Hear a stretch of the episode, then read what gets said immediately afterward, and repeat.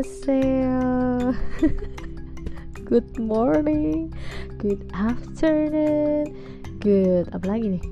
Good evening and good night. Aduh. Ini tuh aku tuh kalau udah ngomongin kayak gini Bau-baunya, naga-naganya udah Mau ngomongin Korea. Ya benar. Aku emang pengen ngomongin Korea. Penasaran banget soalnya karena mungkin beberapa tahun belakangan ini Korean pop or Korean culture it's just kayak catch my attention banget gitu. Kayak uh gimana ya aku tertarik banget gitu. Padahal dulu sebelum sebelum itu ah aku tuh kurang apa ya kurang suka gitu. Karena mungkin dulu ya image-nya itu kayak uh, they're too perfect to uh, kayak mereka terlalu perfect tentang semuanya. Kayak ya mungkin bukan semuanya tapi kayak ke fisik gitu. Nah sementara aku tuh kayak orang yang aku tuh suka kayak ada sesuatu yang ada ada, ada kurangnya dikit gitu. Kayak ya udah sih manusia tuh nggak usah terlalu gimana gimana gitu manusia kan pasti ada kurangnya. Kenapa sih semuanya tuh harus kayak so perfect tuh gitu? Kayak secara wajah atau gimana? Yang penting kan apa gitu um, kalau nyanyi ya udah fokus ke nyanyinya. Kalau acting ya fokus ke actingnya. Jangan terlalu semua harus terlalu apa ya, tight banget gitu. Tapi uh, ada alasan lah ya kenapa aku jadi tertarik Korea. Um, karena BTS salah satunya. nih BTS dan juga ada drama yang temanya psikologi dan psikologi adalah background pendidikan aku juga. Jadi aku kayak oh kayaknya tertarik deh. Nah BTS ini juga bikin aku tertarik karena mereka ternyata punya konsep yang bagus tentang musiknya dan nyinggung psikologi juga. Mereka juga oh, mau ngambil tema yang berbau kesehatan mental dan so relate terhadap kehidupan kita sebagai manusia. Jadi aku kayak ngerasa wow this is genius. Genius banget. Jadi makanya aku sangat-sangat sangat tertarik karena mereka. And ada satu hal yang mungkin kayaknya sering banget jadi bahan perbincangan. Itu tentang dating dating issues. Setiap manusia pasti diberi karunia sama Tuhan untuk punya secara naluriah tuh punya perasaan cinta rasa sayang terhadap lawan jenisnya kayak gitu. Begitu juga idol guys. Tetapi mereka tuh juga uh, di samping mereka manusia mereka adalah sudah masuk ke dalam konsep idol. Kita tahu konsep idol itu um, ini ini asumsiku juga ya guys. Kalau aku ada salah ada ada salah menyampaikan mungkin bisa dikritik langsung ngomong ke aku aja. Uh, tentang konsep idol ini um, seseorang di audisi diseleksi mereka itu punya talenta apa uh, lalu mereka akan dijadikan seperti apa? Nah apakah jadi grup ada ataukah jadi solo atau atau jadi apa gitu? Intinya dari situ di diasah uh, talentanya lalu uh, akan dibuat konsep seperti apa. Artinya konsep itu sudah dibentuk sejak awal uh, sebuah uh, sebuah hiburan itu akan di apa ya akan didirikan akan di dikonsepkan gitu. Nah itu semua konsep entertainnya eh, konsep sebuah grup itu sudah dibentuk dari awal. Makanya um, mereka perlu yang namanya latihan mereka perlu yang namanya um, apa ya di, di, di, dipahami mereka perlu memahami diri mereka sendiri dan mereka perlu perlu tahu tentang standarnya seperti apa dan konsep yang diinginkan dari produser gitu atau company-nya gitu seperti apa. Karena setiap company itu juga punya ciri khas masing-masing punya konsep masing-masing. Mereka akan membuat uh, sebuah grup yang seperti apa image seperti apa kayak gitu kan. Nah dari situ dari situ konsep uh, idol itu terbentuk dan pada akhirnya akan menjadi magnet untuk orang-orang. Dan orang-orang yang menyukai mereka bersatu dalam sebuah fandom. Dan fandom itu membuat uh, apa ya itu fandom itu berfungsi banyak banget sebagai promotor sebagai orang yang loyal orang yang mendukung karir si idol juga ya kan? Terus dengan cara ya salah satunya mungkin streaming or beli beli albumnya beli merchnya. Karena dari situ uh, itu salah satu yang mendukung baik secara finansial secara mm, secara mental moral untuk si idol. Jadi dampaknya besar lah ya antara penggemar dan uh, si idol ini. Lalu karena ada ikatan seperti ini terkadang ada orang yang mungkin kayak terlalu dalam terlalu jauh gitu ya. Kayak merasa bahwa ketika aku udah loyal sama si si idol ini maka dia adalah dalam tanda kutip milikku. Padahal sesungguhnya kan hakikatnya juga bukan. Setiap orang punya hak hak privasi masing-masing hak hak kehidupan mereka masing-masing termasuk si idol dan termasuk kehidupan datingnya. Tetapi mereka sekali lagi mereka sudah masuk ke dalam dunia idol yang bisa jadi hmm, agak sedikit risky ketika mereka harus jujur tentang kehidupan pribadi mereka. Sangat risky bahkan. Sangat amat berbahaya ketika mereka sharing uh, kehidupan pribadinya. Bisa jadi karena bisa jadi uh, mereka adalah jadi sasaran kejahatan kah?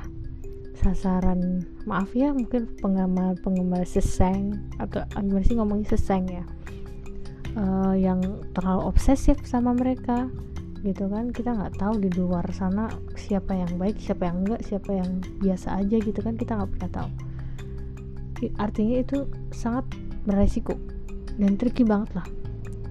Jadi perlu yang namanya strategi ya. Ketika ada media nanya ini media yang kebanyakan nanya ini contohnya aja ya BTS ya.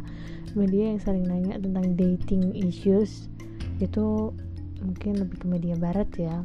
Karena mungkin media Korea udah tahu kalau konsep idol itu seperti itu. Nah yang lebih banyak tanya ini kan media barat.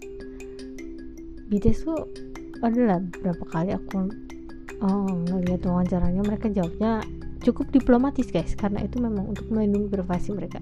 Kayak RM pernah jawab gitu? Eh ditanya sama media luar gitu. Ya lu, lu dating gak sih? Lu punya cewek gak sih? Gitu. Dia jawab ya tuh kita fokus kerja aja dulu gitu. Gitu udah.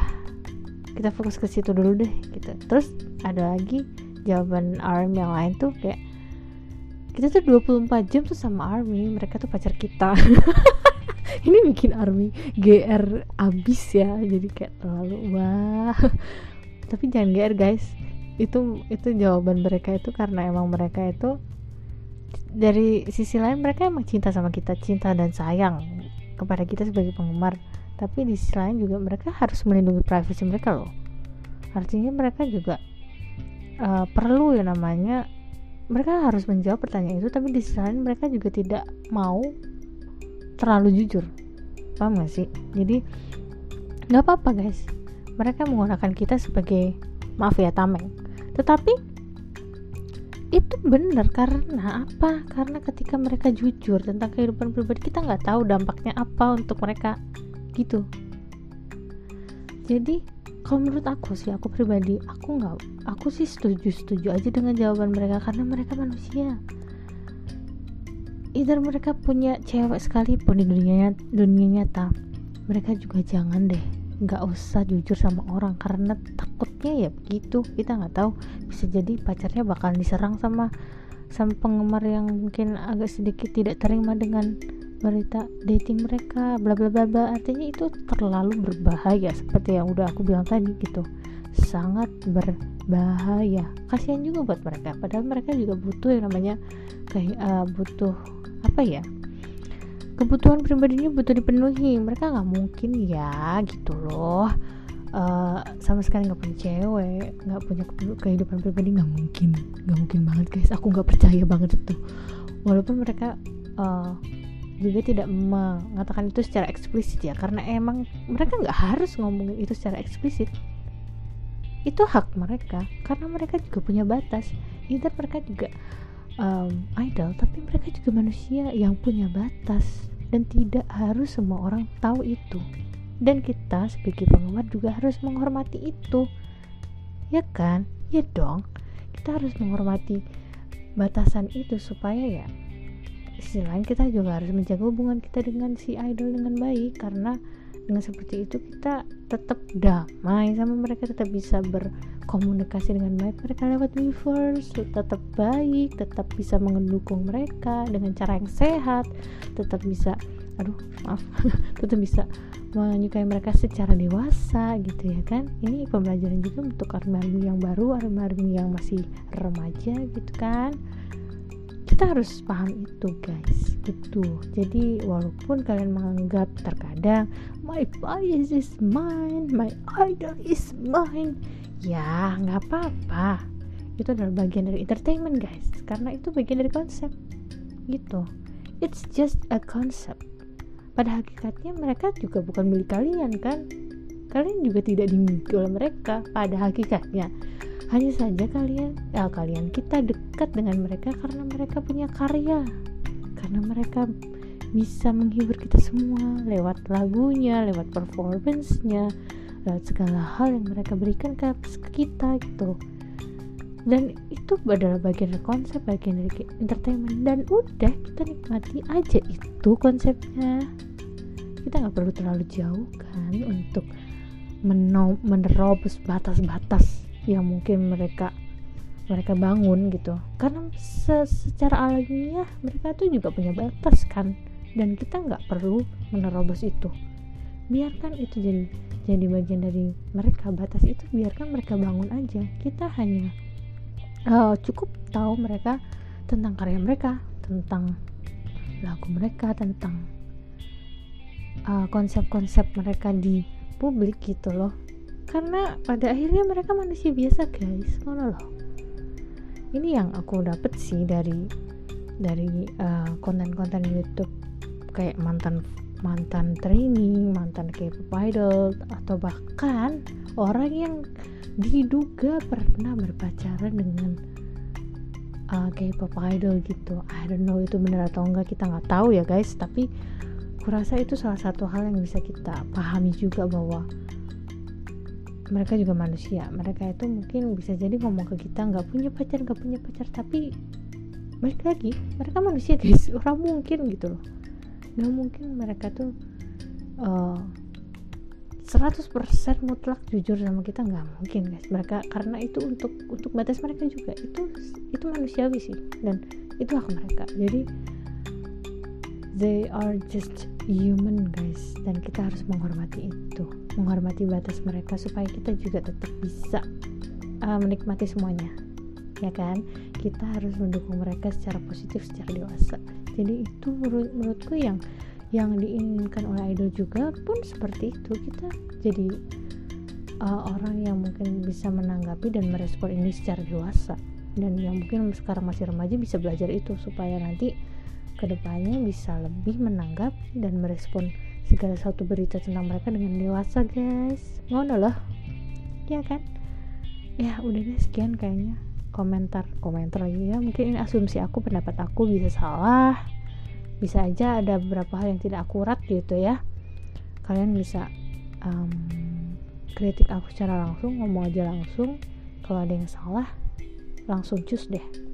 Tapi terima kasih kalau yang udah mau menyimak komentar aku, pendapat aku, and see you on the next dan nggak nggak lancar nih. See you on the next podcast. Bye bye.